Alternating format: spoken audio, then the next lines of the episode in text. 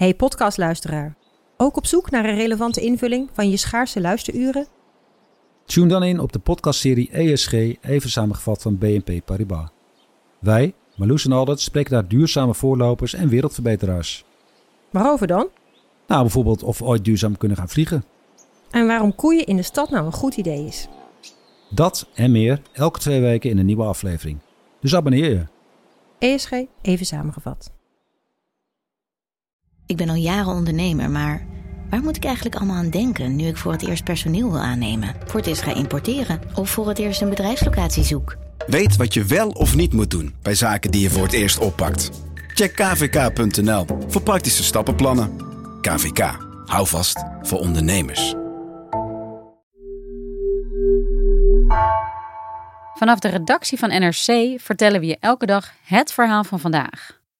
Deze week laten we de voorpagina's even los en hoor je verhalen die je de hele zomer kunt luisteren. Dit is de zomer van vandaag. Mijn naam is Floor Boon.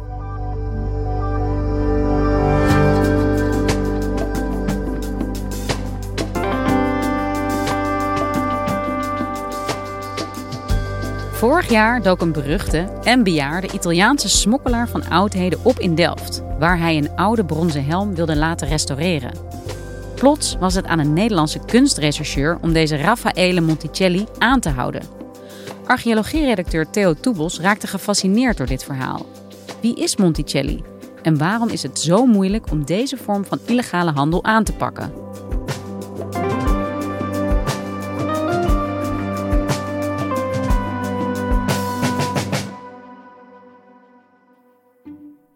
September 2021. Richard Bronswijk is onderweg. Hij is politieagent. Uh, beter gezegd, hij werkt bij de Nederlandse kunstpolitie. De telefoon gaat. Aan de andere kant hoort hij de restaurator uit Delft. Het begon eigenlijk dat hij belde. En toen, uh, toen zei hij van, uh, ja, hij staat er weer. Monticelli is hier. Ja, Monticelli, die kent hij wel. Dat is een Italiaanse kunstsmokkelaar van oudheden. En, uh, maar waarom is hij bij jou nu? Ja, hij heeft weer een helm gebracht. Zo'n oude helm, uh, je weet wel, uh, zo'n Corinthische, 4e eeuw voor Christus. Dus toen moest ik heel veel snel schakelen. Ik denk, jeetje. Dus ik zat al gelijk van, nou, mijn taakaccenthouder in Den Haag. Dat is Marilia. Die moest ik inschakelen. ja, de officier van justitie natuurlijk. Ik denk, jeetje, hoe ga ik dat allemaal doen op, op deze dinsdagochtend? En om dan aan te houden. Dan moeten we, coronatijd, is er een cel. Dus knap ingewikkeld. En ik moest ook nog een week later op vakantie. Dus ik dacht van jeetje, dat ga ik nooit redden eh, in die periode. Ja, wat nu te doen. Maar uh, ja, wanneer komt hij weer terug? Ja, over vijf weken heb ik tegen hem gezegd. Nou, uh, weet je wat? Dan proberen we hem op dat moment op te pakken. Nou, dat was echt een perfecte afspraak. De helm bleef hier. Dus die hadden we in ieder geval. En hij zei tegen die, uh, die Monticelli dat hij over vijf weken terug moest komen.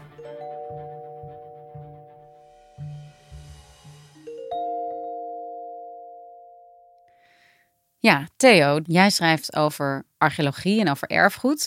En je hebt het over een Italiaanse smokkelaar, Monticelli, die daar ineens in Delft uh, voor de deur staat met een helm die hij wil laten restaureren.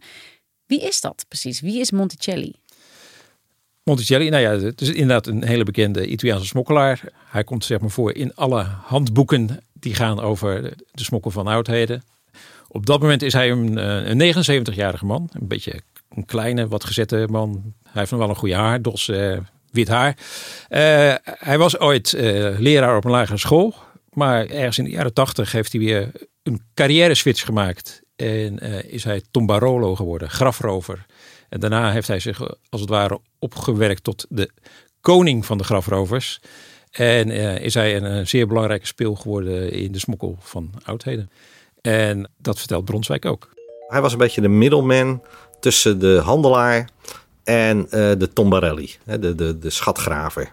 En uh, hij had een enorm netwerk in Zuid-Italië. Hij komt uit Taranto.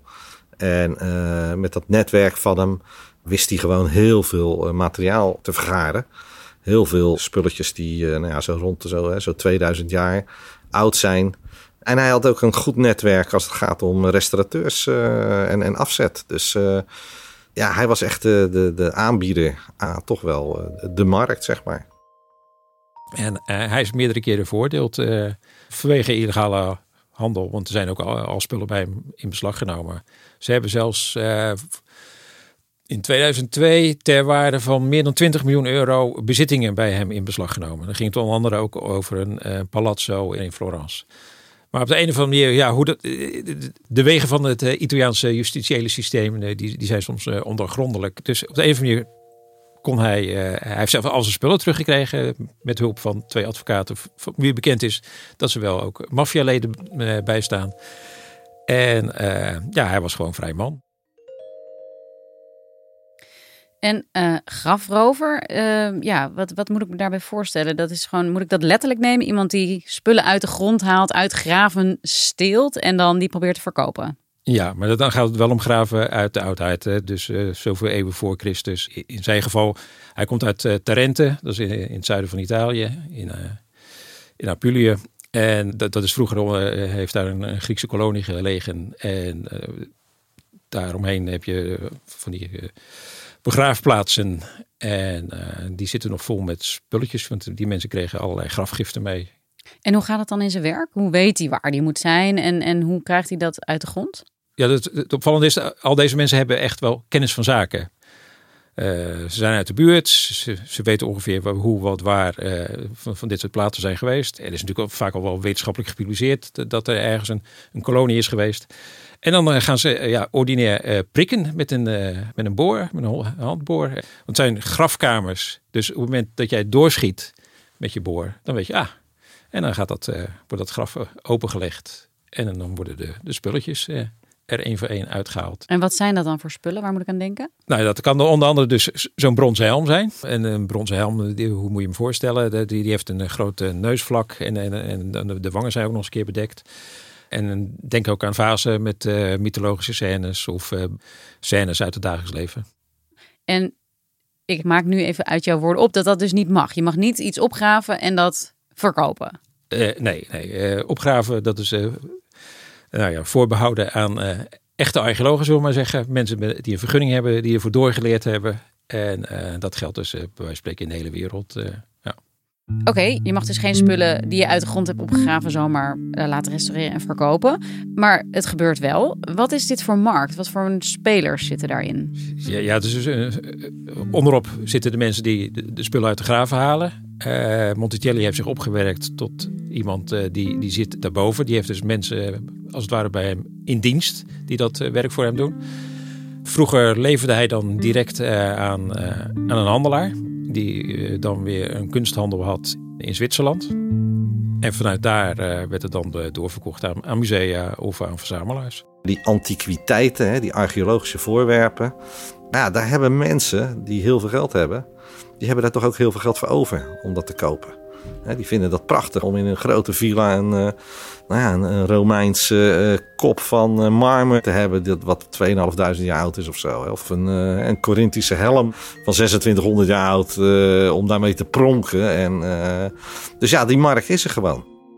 En wat, wat levert zo'n helm nou eigenlijk op? Ja, dat, dat is eigenlijk een foute vraag. Eh, Waarom? Nou, in ieder geval voor, voor, voor archeologen is de foute vraag. Want dat- het gaat hun niet om de geldelijke waarde. Maar dit soort helmen worden voor meer dan 100.000 dollar kunnen die geveild worden of gekocht. Eh, ja. Ja, en als ik het dan aan de archeologen vraag? De archeologen zeggen, ja, er zit niet in die geldwaarde, zit de waarde. De, de waarde zit in, in die helm zelf, waar die voor staat. Want het is een speciale helm. Eh, hij is zo dun dat hij eh, niet voor echt gevechten is gemaakt. Maar bijvoorbeeld voor, voor een soort parade. En daarna gaat het ook om, nog eens om van...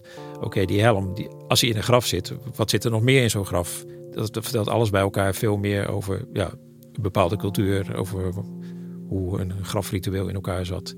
Daar zit de waarde in voor archeologen. En eh Bronswijk vindt dat ook. Kijk, zo'n helm, nou ja, hè, dat is een voorwerp. En dat gaat in die handel. Maar dat, dat voorwerp is niet zo belangrijk. Maar wat, wat je nooit meer terug gaat vinden is van... waar is het gevonden, hoe is het gevonden... en wat is het verhaal erachter van, eh, van wat, wat betekende dat. En ja, dat, dat is eenmalig en dat wordt vernietigd. En dat weet niemand meer. En even, hè, probeer me dit zo voor Ja. te stellen. Je bent een restaurateur. Er komt Ja. iemand eh, voor je neus die zegt: Wil je dit restaureren? Ja. Is het dan aan die restaurateur om dan te zien dat dit eh, illegaal is? Of moet hij of zij weten ja, of, of dit mag? Ja, hij moet inderdaad wel gaan nadenken van eh, kan, kan dit of kan dit niet. Eh, In dit geval de eerste keer dat Monticelli bij hem kwam, want op het moment dat eh, hij belde was Monticelli eh, niet voor het eerst bij hem. Vertelde hij eh, dat hij een verzamelaar was en daar had hij ook een helm bij zich. En die helm, daar kon hij ook zien, die was al een keer eerder gerestaureerd. En eh, er zat allerlei oxidatie eh, op. Dus hij, hij moest schoongemaakt worden en eh, nog een keer ontzout worden en dat soort dingen. Dus aan deze helm kon je zien, dit is niet net opgegraven. Dus wat hem betreft was dat gewoon dus in orde. En was het hetzelfde met deze helm die hij nu kreeg aangeboden? Eh, Nee, deze helm daar, die zat nog helemaal onder, eh, onder de grond. eh, stof eh, en, en alles en nog wat. En eh, een keer eerder wa- was hij ook aangekomen met een, een helm helemaal in, in stukken. En toen had, had hij ook zoiets van, van nou ja, nu gaat het de verkeerde kant op. Want waarom? Ja, eh, helmen die in oude collectie zitten, die zijn meestal niet in stukken. Dus dat, eh, Die zijn ooit al een keer in elkaar gezet. die zijn al ooit wel eens in elkaar gezet, ja. Dus toen heeft hij ook gezegd van ja, we moeten maar niet meer eh, contact met elkaar hebben.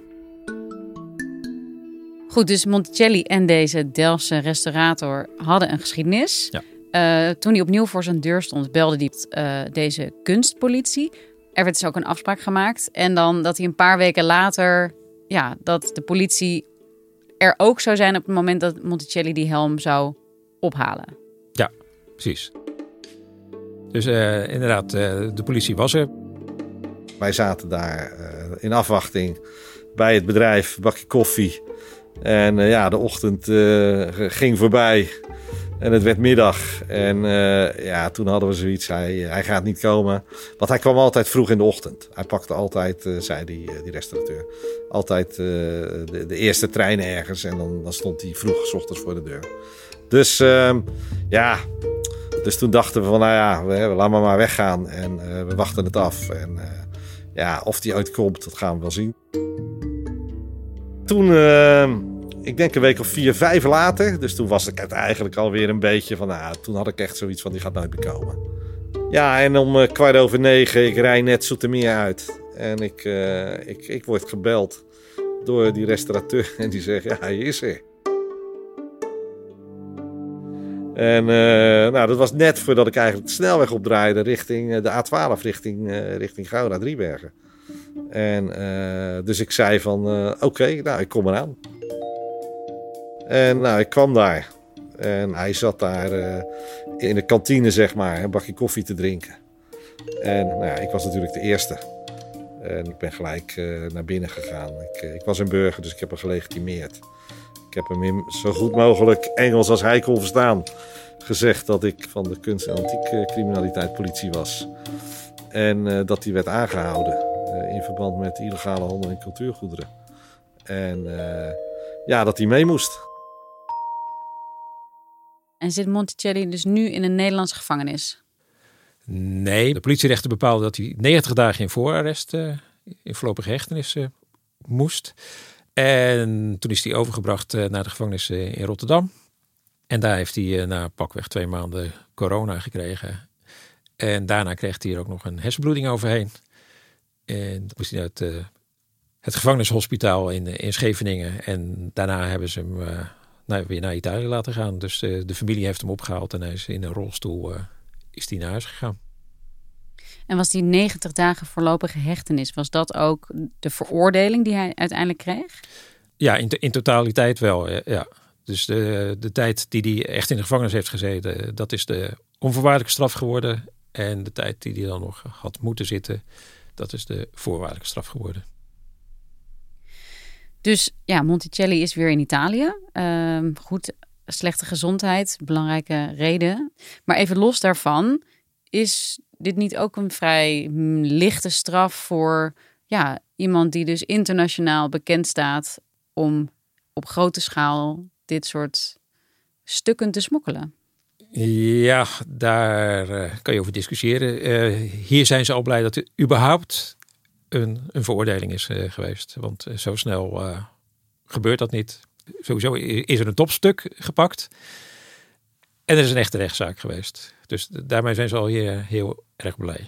Voor, voor Richard Bronswijk was het ook bijzonder dat dat. Ja, hij is ook echt door die Italianen gefeliciteerd dat hij zo'n zo grote jongen heeft te pakken gekregen. Want ja, bij de Nederlandse kunstpolitie daar werken vier FTE's. En bij de Italiaanse kunstpolitie daar hebben ze meer dan 1700 mensen in dienst. korte klap, snelle veroordeling.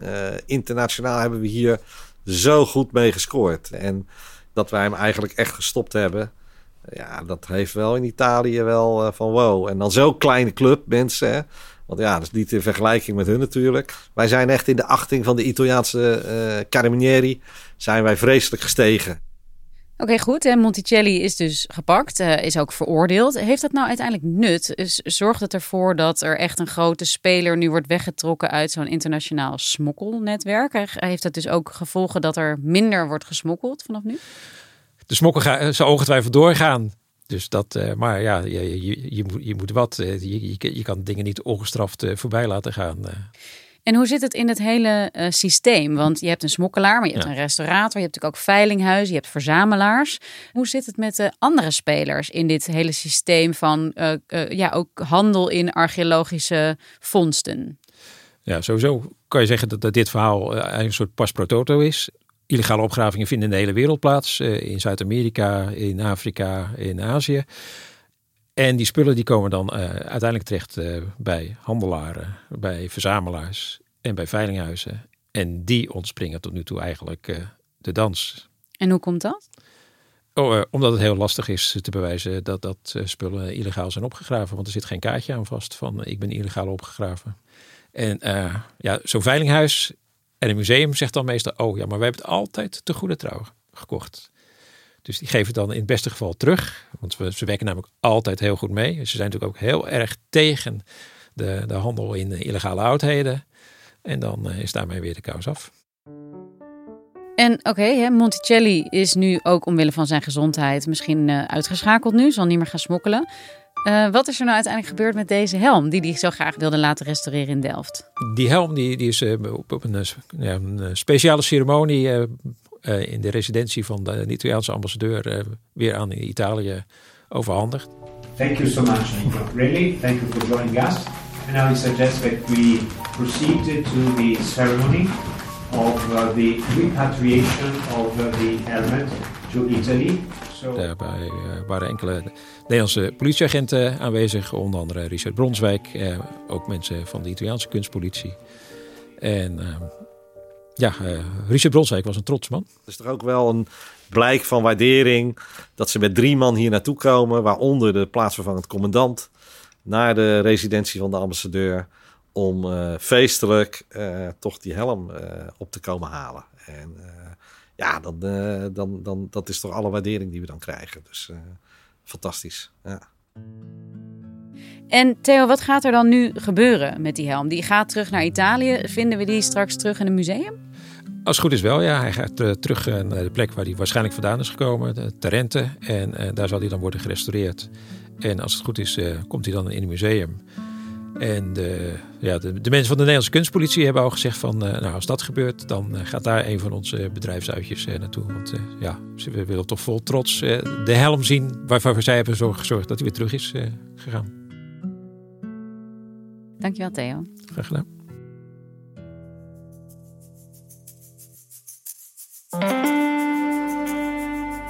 Je luisterde naar vandaag, een podcast van NRC. Eén verhaal, elke dag. Deze aflevering werd gemaakt door Wijken van Koolwijk, Mila Marie Bleeksma, Henk Ruigrop van de Werven en Ruben Pest. Dit was vandaag. Morgen weer.